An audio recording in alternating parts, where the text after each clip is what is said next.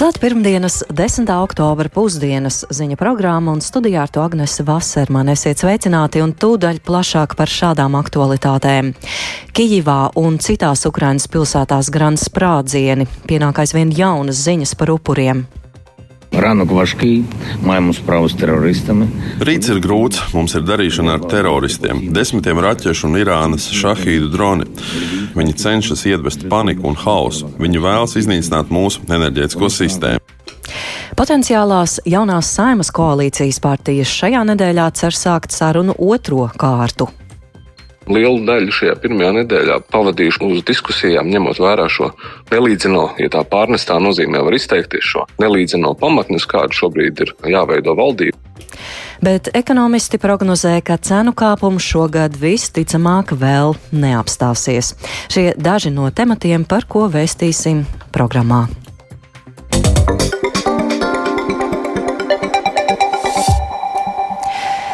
Pēc nedēļas nogalē notikušā sprādziena uz Krimas tilta Krievija šorīt īstenojusi masveidu uzbrukumu Ukrainā. Daudzās Ukrainas pilsētās ir dzirdami sprādzieni, Krievijai apšaudot civilos un kritiskās infrastruktūras objektus. Pirmo reizi daudzu nedēļu laikā apšaudīta arī galvaspilsēta Kīva, nogalinot un ievainojot daudzus cilvēkus. Ukrainas prezidents Volodimirs Zelenskis norādījis, ka Krievija Ukraiņus mēģina iznīcināt un noslaucīt izdarīt no zemes virsmas. Plašāk par situāciju Ukrainā stāsta Rihards Plūme.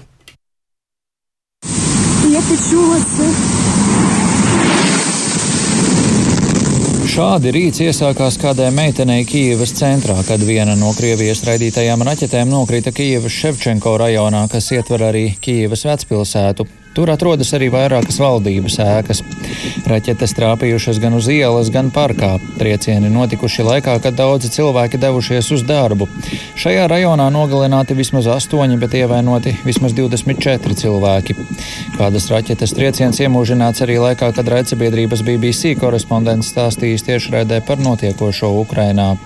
Country, very close to the front lines, uh, was hit. Uh, more than a dozen Bet triecieni turpinājušies arī vēlāk. Pēc pusdien deviņiem pēc Latvijas laika Kijevā atskanēja jauni sprādzieni.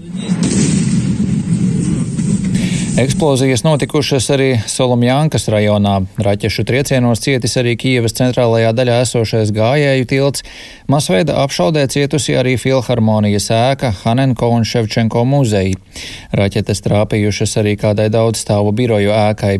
Daudz vietas slēgta satiksme un Kijavā strādā daudz glābšanas dienestu. Karavīri, policisti un mediķi sniedz palīdzību cietušajiem arī pilsētas ielās.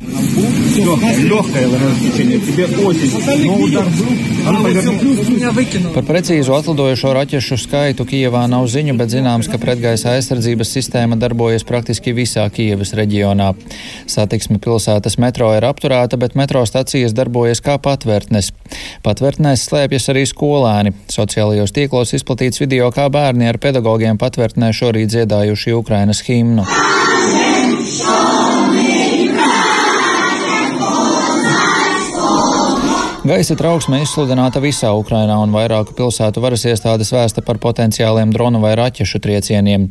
Vietējie mediji šorīt ziņo par eksplozijām arī citviet Ukrainā, to starp Žitomirā, Ļvivā, Ternopiļā, Odesā un citviet, arī Hmeļņickas un Dnipro apgabalos. Ļvivā un Hmeļņickā pēc triecieniem pazudusi elektrība. Problēmas ar elektrību šorīt ir visos sumu apgabala rajonos un arī citviet Ukrainā. Kopumā Ukrainā notriektas vairāk nekā 40 no teju 80 raķetēm. Jau trešo dienu pēc kārtas naktī tika apšaudīta arī Zaporīžie, sagraujot kādas daudzdzīvokļu ēkas kāpņu telpu. Bojā gājis vismaz viens cilvēks un vairāki ievainoti. Ukrainas prezidents Valdemirs Zelenskis norādījis, ka Krievija Ukraiņus mēģina iznīcināt un noslaucīt no zemes virsmas, iznīcinot cilvēkus, kas guļ savās mājās Zaporižjā un nogalina cilvēkus, kuri brauc uz darbu Dnipro un Kijevā. Viņš aicinājis cilvēkus neatstāt patvērtnes un rūpēties par sevi un saviem mīļajiem. Prezidents šorīt ierakstījis īsu video vēstījumu, lūk fragments no tā. Українці, українки, ранок важкий. Маємо справу з терористами, десятки ракет, iranski šahidi. Rīts ir grūts, mums ir darīšana ar teroristiem, desmitiem raķešu un Irānas šahīdu droni. Viņiem ir divi mērķi - enerģētikas infrastruktūra visā valstī. Viņi cenšas iedvest paniku un hausu. Viņi vēlas iznīcināt mūsu enerģētisko sistēmu. Otrs mērķis ir cilvēki. Viņi apzināti izvēlējās šādu laiku un tādus mērķus, lai nodarītu lielāku ļaunumu. Šodien esiet patvērtnēs, vienmēr ievērojiet piesardzību un vienmēr atcerieties, ka Ukraina bija pirms šī ienaidnieka parādīšanās, un Ukraina pastāvēs arī pēc viņa. Ukraina būtu pīsleņo, slava Ukraina! Tikmēr Ukrainas aizsardzības ministrija solījusi atriepties Krievijai par šorīt īstenotajiem uzbrukumiem civiliedzīvotājiem. Aizsardzības ministrs Oleksijas Reznikovs uzsvēris, ka teroristu raķetes nekad neiznīcinās Ukraiņu drosmi un nesatricinās Ukrainas sabiedroto apņēmību. Daudzi uzskata, ka šī rīta masveida uzbrukums Ukrainā ir atriebība par nedēļas nogalē īstenoto sprādzienu Krimas tiltā. Krievijas prezidents Vladimirs Putins tajā vaino Ukrainas slepenos dienestus un notikušo viņš raksturojas kā terora aktu. Ukraina atbildību par sprādzienu gan nav uzņēmusies, un Ukrainas prezidenta kancelējas vadītāja padomnieks Mihailo Podaļaks norādīja, ka Ukrainas apsūdzēšana terorismā ir absurda, jo tieši Krievija ir tā, kas īsteno teroristiskas darbības. Rihards Plūme, Latvijas radio. Kijivā esošie Latvijas diplomāti Krievijas veiktajās raķešu apšaudēs nav cietuši un ir drošībā. Tā sociālajos tīklos paziņojis ārlietu ministrs Edgars Rinkēvičs no jaunās vienotības. Ārlietu ministrija esot saziņā ar Latvijas vēstniecību Kijivā un pateicas darbiniekiem par darbu un izturību. Un turpinām ziņu programmu ar norisēm tepat mūsu valstī. Potenciālie nākamās valdības koalīcijas spēki šajā nedēļā cer sākt sarunu otro kārtu. Konkrēts sarunu laiks vēl nesot noteikts. Aizvadīto sarunu pirmo kārtu uzrunātie sauc par konstruktīvu, bet kāds ir politiķu noskaņojums pirms potenciālās valdības sarunu otrās kārtas? Vērtējumu par to gūt mēģināja kolēģis Kristaps Feldmanis, kurš šobrīd ir līdzās studijās sveicināts. Sveika, Agnes! Labdien, arī Latvijas radioklausītāji! Nu, ar kādām sajūtām sarunu otrās kārtas sākšanos tad gaida potenciālie mūsu nākamās valdības veidotāji? Jā, nu sarunās iepriekš iezīmējušās viena atsevišķas nesaskaņas, par kurām jau esam arī ziņojuši, nu, piemēram, par to, vai koalīcija jāveido trim vai četrām partijām. Nu, par to domas ir dalījušās, un, piemēram, apvienotās saraksta līdzpriekšsādātājs Edgars Tavars norādīja, runājot par šo ir patērēts ļoti daudz laika. Savukārt partijas jaunā vienotība pārstāve Elīna Bīviņa Latvijas radio gan skaidroja, ka teikt, ka sākusies jauna saruna kārta gluži nevarot, proti šobrīd nesot ieplānota neviena konkrēta saruna, tātad nu, ne laiks, ne datums ar kādu no citu politisko spēku pārstāvjiem. Šodien 11. gan ir sākusies jaunās vienotības valdes sēde, kurā ir paredzēts pārspriest iepriekšējās sarunu kārtas rezultātus. Tāpat eh, bija viņa skaidroja, ka šodien ministru prezidentam Krišānam Kariņam esot ieplānota tikšanās ar valsts prezidentu Egilu Levitu, lai informētu par to, kāda tad ir šī saruna gaita. Taču Sīkākus komentārus partijas sniegšot šodien vien pēc valdes sēdes. Eh, arī apvienotais saraksts apliecināja, ka konkrētu sarunu eh, laiku un datumu šobrīd nesot, un eh, šī te, politiskā spēka līdzpriekšsādātājs Edgars Tavars gan pauda cerību, ka šīs nedēļas laikā saruna otrā kārta notiks, un vērtējot aizvadīto sarunu, apli Tavars sarunas sauc par konstruktīvām, turpina Edgars Tavars. Esam lielu daļu šajā pirmajā nedēļā pavadījuši uz diskusijām, ņemot vērā šo nelīdzino, ja tā pārnestā nozīmē var izteikties šo nelīdzino pamatnes, kāda šobrīd ir jāveido valdība. Nelīdzina pamatne, tas ir domāts gan tautsēmniecībā, gan drošības dažādi riski, iekšēji, ārējie drošības riski pa šo galdu vai šī koalīcija kā galds stāvēs uz trim vai uz četrām kājām. Nu, mēs esam diezgan laiku tur pavadījuši. Es uzskatu, ka esam zaudējuši iespējams jau vairākas dienas pie tā, lai mēs gatavotos, kā šī valdība strādās un kas ir šie prioritārie darbi. Jā, dzirdējāt apvienotās saraksta līdzpriekšsādātāja Edgara Tavara sacīto. Vaicāju arī par konkrētiem jomu sadalījumiem un personālajām, tostarp neoficiāli izskanējušām ziņām, ka nu šobrīd tik aktuālais veselības ministra amats atkārtot varētu tikt Andai Čakšai. E, kā jau bija gaidāms, partija šo jautājumu nekomentēja, sakot, ka šobrīd sarunās jomu sadalījums un vēl jau vairāk personālijas vispār nesot e, apspriestas. Nu, vai tam ticēt vai nē, to, to mēs varam katrs pats spriest. Savukārt vaicāt par aizvadītā sasaukuma aktuālāko nozari veselību dalību. Tātad nu, iesaistīties skaidro, ka šobrīd fundamentāls neatrisināmas nesaskaņas nedz šajā jautājumā, nu, nedz arī citos neiezīmējas. Kristap, tad tā ir noprotams, ka šajos sarunās iesaistīto starpā tad tādu fundamentālu nesaskaņu nav. Un vienīgais jautājums, par ko šobrīd, kas vēl nav atrisināts, ir par progresīvo dalību. Jā, nu tā vismaz no publiski pieejamās informācijas šobrīd šķiet, un to sarunā ar mani vēlreiz uzsver arī apvienotā saraksta pārstāvis Edgars Tavars. Viņš gan skaidroja, ka partija ar progresīvajiem labprāt tiksies, eh, lai saprastu, ar ko tālākajā darbā var rēķināties, taču valdībā gan progresīvos viņi neredz, un lūk arī Edgars Tavars sacītais. Mēs esam iepriekš izteikuši, mēs, protams, redzam, ka ir, ir jāteikās, jārunā. Attiecībā par valdību mēs kopīgi ar Nacionālo apvienību esam pauduši kopīgi savu pozīciju. Mēs redzam, ka šis ir trīs frakciju kopdarbs - vienotība, apvienoties saraksts un Nacionāla apvienība. Pēc mēs neredzam absolūti nekādas problēmas, teiksim, par saimnes darbu, kā mēs varam strādāt valstiskos jautājumos. Visi kopā parlamentārieši sadarboties. Tas būtu ļoti ok. Tur es neredzu problēmas, bet attiecībā par valdību tur nu, Nu, nu, lūk, jā, šāds teikums bez konkrētas atbildes, bet nu, var noprast to, to nostāju. Dzirdējāt, tātad apvienotā saraksta pārstāvja Edgara Tavara sacīto. Līdz pusdienu laikam mums izdevās sazināties ar apvienotā saraksta pārstāvi, kur arī dzirdējāt savukārt Nacionālās apvienības pārstāvi darba grafiku un valdes sēdes dēļ. Līdz šim brīdim vēl komentāru nav snieguši, bet partijas valdes loceklis un priekšsādātāja vietnieks Rihards Kols solīja, ka kāds to izdarīs dienas laikā. Savukārt jaunās vienotības pārstāvi, kā jau minēju sākumā, komentāru solis sniegt pēc partijas valdes sēdes sēdes, kas jau šobrīd ir sākusies. Paldies Kristamam Feldmanim. Tad gaidīsim jaunumus. Un uz saimu pošas arī vairāki Rīgas domas deputāti, no kuriem pāris ieņem arī augstus amatus galvaspilsētas vadībā. Vairums ir Rīgas domas koalīcijas deputāti, kuri par spīti partiju ideoloģiskajām pretrunām jau divus gadus ir spējuši sadarboties. Kā jaunā parlamenta veidošanās un partiju skepse koalīcijā iekļaut progresīvos var ietekmēt galvaspilsētas vadītāju krēslus, to skaidroja Viktors Demidovs. Kamēr jau nedēļu saimā ievēlētās partijas nevar vienoties, cik politisko spēku pārstāvējas koalīciju, uz 14. saimu gatavojas doties pieci Rīgas domas deputāti, kuru vidū ir vicemērs Edvards Smiltēns no Nacionālās apvienības Latvijas reģiona apvienības kopīgā saraksta un mājokļu un vides komitejas vadītājs Edmunds Cepurītis no par progresīviem. Kopš 2020. gada domas ārkārtas vēlēšanām abu pārstāvētie politiskie spēki koalīcijā aizņem 25 divas vietas, jeb teju divas trešdaļas no visas koalīcijas. Abi saraksti spēja sadarboties, taču līdz ko viņus ievēlēja saimā, uz progresīvo iespēju būt koalīcijā raugās skeptiski, citām partijām norādot, ka viņu ideoloģiskās vērtības ir pilnīgi pretējas. Tā uzskata arī vicemērs Miltāns, kurš saimā ievēlēts no apvienotā saraksta. Saistībā progresīvajiem pašvaldības līmenis ir viens. Tā ir noteikta zināšanu teiksim, nu, kopums, kas nepieciešams, lai strādātu pašvaldībā. Nacionālais līmenis jau ir nedaudz vairāk. Tas ir, ir vērtību un uzstādījumu jautājums. Galvaspilsētas domas kodols ir izveidojies pamatā uz 13. saimas koalīciju, kurā ir jaunajā parlamentā neievēlētie attīstībai par un konservatīvie. Tāpēc rodas jautājums, vai galvaspilsētā gaidāmas pārmaiņas. Priekš Rīgas metropoles un priekš reģiona attīstības kopumā šī nākamā valdība būs ļoti atsaucīga un pozitīva pozitīva. Šeit Rīgā es neredzu pamatu, kāpēc būtu jājūka ārā koalīcija.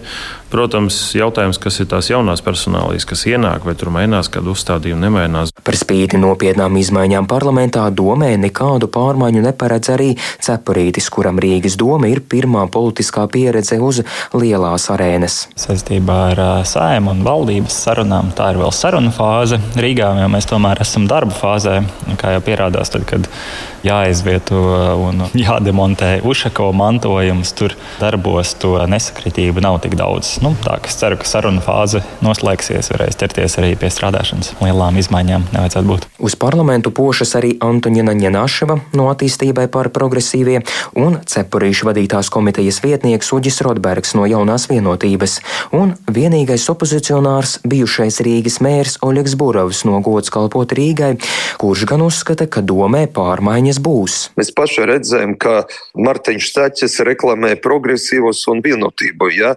pats galvenais jautājums, vai Stačs kungs aiziet, piemēram, pie progresīviem, un tad būs pieļaujams, ka progresīvi turpina nest to atbildību par Rīgu, vai eh, atbildību par Rīgu var uzņemties cita partija, bet diez vai Saķakungs vai aiziet uz vienotību, tur ir esošais vicemēra Vilnis Kircis, tad kāpēc viņš nevar būt domas priekšsēdētājs? Ne pēc viena kritērija. Es neredzu Saķakungam nekādu perspektīvu turpināt vadīt domu. Latvijas radio vairāk kārt mēģināja sazināties ar mēru Mārtiņu Staķi, bet nesekmīgi. Savukārt aizejošo deputātu vietā no attīstībai pār progresīvie varētu nākt Žanete Eglīte un Zane Pūpola. No gods kalpot Rīgai Natālija Ābola, bet no jaunās vienotības Jānis Patmalnieks. Savukārt no Nacionālās apvienības Latvijas reģiona apvienības kopīgā saraksta Edvards Ratnieks. Vēl četri tagadējie deputāti, kas piedalījās saimnes vēlēšanās parlamentā var iegūt tā saucamos mīkstos mandātus, tāpēc izmaiņas domē var būt vēl lielākas. Viktors Demidovs, Latvijas radio. Rīgas domas koalīcijas partijas uz parlamentu aizejošajiem deputātiem spēs atrast pienācīgus aizvietotājus, bet tas nav svarīgākais, uzskata Latvijas Universitātes sociālo zinātņu fakultātes dekāns profesors Jānis Ikstens. Viņš norāda, ka šajās saimas vēlēšanās nav iekļuvuši konservatīvie, kas ir viena no Rīgas domas koalīcijas partijām, un tas galvaspilsētā paver pārmaiņu iespēju. Ar politologu sarunājās Viktors Damīdovs.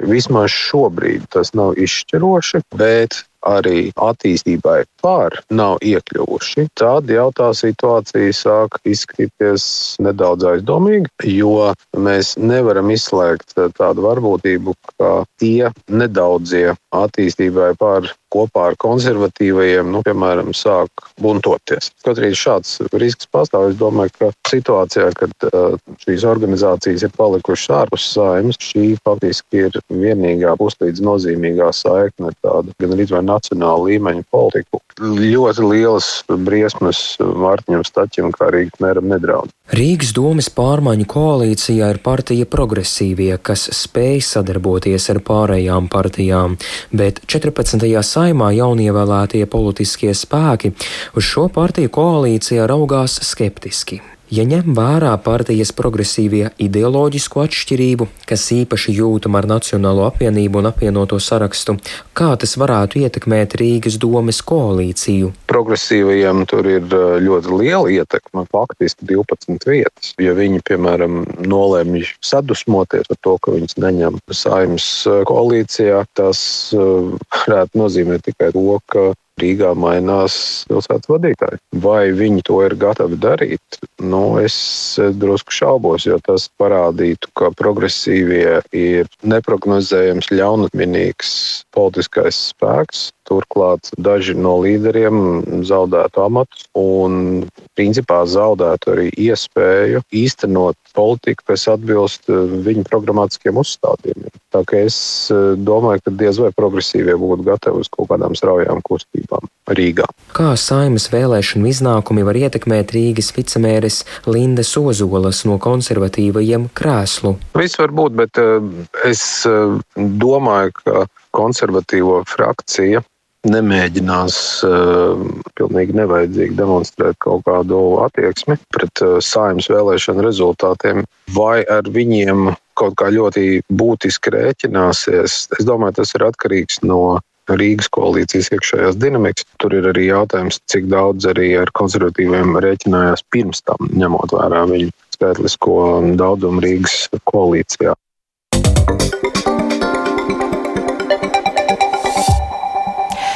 Gada inflācija Latvijā visticamāk pārsniegs 22%, un cenu kāpuma šoks vismaz pagaidām nemazināsies. Šādas prognozes izsaka Latvijas radio aptaujātie ekonomisti. Centrālā statistikas pārvalde šodien nāks klajā ar jaunākajiem datiem ar par inflāciju septembrī. Mūsu korespondente Linda Zalāne skaidroja, kādi faktori inflāciju kāpinājuši septembrī un kad cenu augšupēja beidzot stāsies. Vairāk viņas ierakstā. Šodien Centrālā statistikas pārvalde nāks klajā ar jaunākiem datiem par inflācijas apmēru septembrī. Sebbankas ekonomists Dainis Gašpuitis pauž, ka arī septembrī nevaram cerēt uz inflācijas sabremzēšanos, un visticamāk mēs atkal redzēsim spēcīgu kāpumu mēnešu laikā un arī jaunus līmeņus gada izteiksmē. Tie varētu būt jau pāri 22%. inflācija, kas ir arī tāds, nu, teiksim, apliecinoši tam, ka tas šoks turpinās un ka tas augstākais inflācijas punkts vēl ir priekšā. Bet viņš visticamāk šobrīd varētu būt jau tuvu savam maksimumam, bet vai un kad tas būs, to mēs droši vien redzēsim tikai, nu, atskatoties atpakaļ, bet, nu, tā vismaz tās tendences, ko mēs redzam citos procesos, nu, varētu liecināt, ka, zinām, inerts vēl ir, bet vismaz tādai tālākam kāpumam, nu, tā jauda šobrīd pagaidām varētu mozināties. Gašpuitis stāsta, ka vērtējot mazumtirzniecības datus par augustu, redzama tendence, ka cilvēki turpina tērēt vairāk, bet inflācijas dēļ nopērk arvien mazāk. Tas apgrozījums, kas ir mazumtirdzniecībā kopumā, ņemot vērā inflāciju, ir ļoti strauji augošs. Bet, ja mēs noņemam inflāciju nost, nu, tad tur sanāk neliels plusiņš vēl. Tas nozīmē to, ka tas pieauguma temps ļoti būtiski bremzējās, jo cilvēki vienkārši vairs nevar nopirkt vairāk šīs inflācijas dēļ. Un šī tendence pastiprināsies, un visticamāk, visspēcīgāk to mēs izjutīsim tad, kad sāks pienākt apkursu rēķini, tad varētu būt jau izteiktāki mīnusi patēriņā. Bankas citadela ekonomists Mārtiņš Āboliņš uzsver, ka pēdējos sešos mēnešos cenu kāpums bijis īpaši strauši, tīpaši pārtikai un enerģijai, bet septembrī un oktobrī un arī ziemas mēnešos redzēsim siltumenerģijas cenas kāpumu ietekmi uz inflāciju. Pakalpojums, ticamāk, turpinās augt cenas vairāk izdarīt arī no tā, ka energoresursi palikuši dārgāki. Savukārt pārtiks cenām, es domāju, jau šobrīd jāsāk stabilizēties. Mēs paskatāmies pasaulē pārtiks cenas pēdējos sešos mēnešos vairs neaug drīzāk, tad, tad nedaudz tā virzība uz leju. Parasti līdz mums tās pasaules cenas pārmaiņas atnāk kaut kur pusgadu laikā. Līdz 25% varbūt inflācija neuzkāps, bet kaut kur ļoti tuvu vēl oktobrī, novembrī varētu būt. Arī Luminor bankas ekonomists Pēteris Strautiņš prognozē, ka tuvākajos mēnešos vēl piedzīvosim pakāpenisku cenu līmeņu kāpumu, bet neredzēsim tālāk inflācijas kāpumu. Viņš uzsver, ka, lai arī globāli izēvielu cenas sāk sarukt, tas tik drīz neatspoguļosies Latvijas patēriņa cenās. Nekāda inflācijas bremzēšanās pagaidām vēl nav gaidāma. Teiksim, tā ir priekšnoteikumi, lai tas varētu notikt nākotnē. Izēvielu cenas pasaulē kopumā jau ir stipri zem augstākā līmeņa. Globālās pārtikas cenas jau ir kritušās 5-6 mēnešus, arī Eiropā pamazām nomierinās gāzes cenas, bet paiet laiks, tamēr tas atspoguļojās patēriņa cenās. Līdz ar to inflācijas nomierināšanās ir gaidām tikai pēc kaut kāda laika. Domājams, ka pavasarī, vasarā inflācija tad varētu jau strauji samazināties. Strautiņš akcentē, ka tuvākajā nākotnē inflāciju ietekmēs ne tikai tirgus spēki, bet arī politiskie lēmumi. Tiem ietekme būs labvēlīga, jo līdz ar valsts atbalstu iedzīvotājiem būs mazāk jāmaksā par patērētiem energoresursiem. Tas nodrošinās to, ka gada inflācija vairs nepieaugs. Linda Zalāne, Latvijas radio. Tātad centrālās statistikas pārvalde šodien informēs par patēriņa cenu izmaiņām septembrī Latvijā. Un varam salīdzināt šodien, piemēram, paziņoti jaunākie dati par inflāciju Lietuvā. Gada inflācija mūsu kaimiņu valstīs septembrī palielinājusies līdz 24%, salīdzinājumā ar 22,4% augustā. Šādi ir Lietuvas statistikas departamenta dati. Salīdzinājumā ar augustu preču cenas Lietuvā pagājušajā mēnesī palielinājušās par 3,5%, pakalpojumu cenas augušas par 1,3%.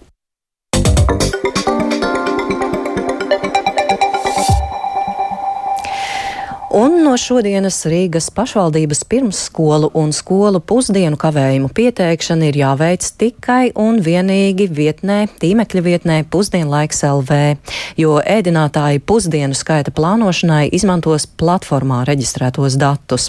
Pusdienu atteikums ir jāpiesaka iepriekšējā dienā līdz pulksten deviņiem vakarā.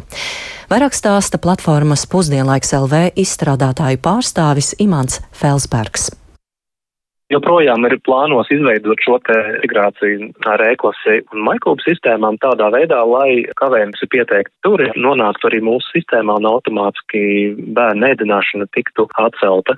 Mēs ceram to kopā ar kolēģiem no maiklubu un e-klases atrisināt uh, oktobra laikā pat 99% tam būtu jābūt oktobrī, tad no 1. novembra tam vajadzētu darboties. Bet, ja būs ātrāk, mēs, protams, informēsim uh, masveidā visus klientus lai viņi to zina jau ātrāk. Ar to izskan pirmdienas 10. oktobra Latvijas radio ziņa programma Pusdiena. Producents Viktors Pupiks, ierakstus montēja Renāša Steimanis, pieskaņa pults Katrīna Bramberga, studijā Agnese Vasermani par svarīgāko. Kijivā un citās Ukrainas pilsētās šodien grāns sprādzieni, pienāk aizvien jaunas ziņas par upuriem. Potenciālās jaunās saimas koalīcijas partijas cer sākt sarunu otro kārtu, bet ekonomisti prognozē, ka cenu kāpums šogad visticamāk vēl neapstāsies. Yeah.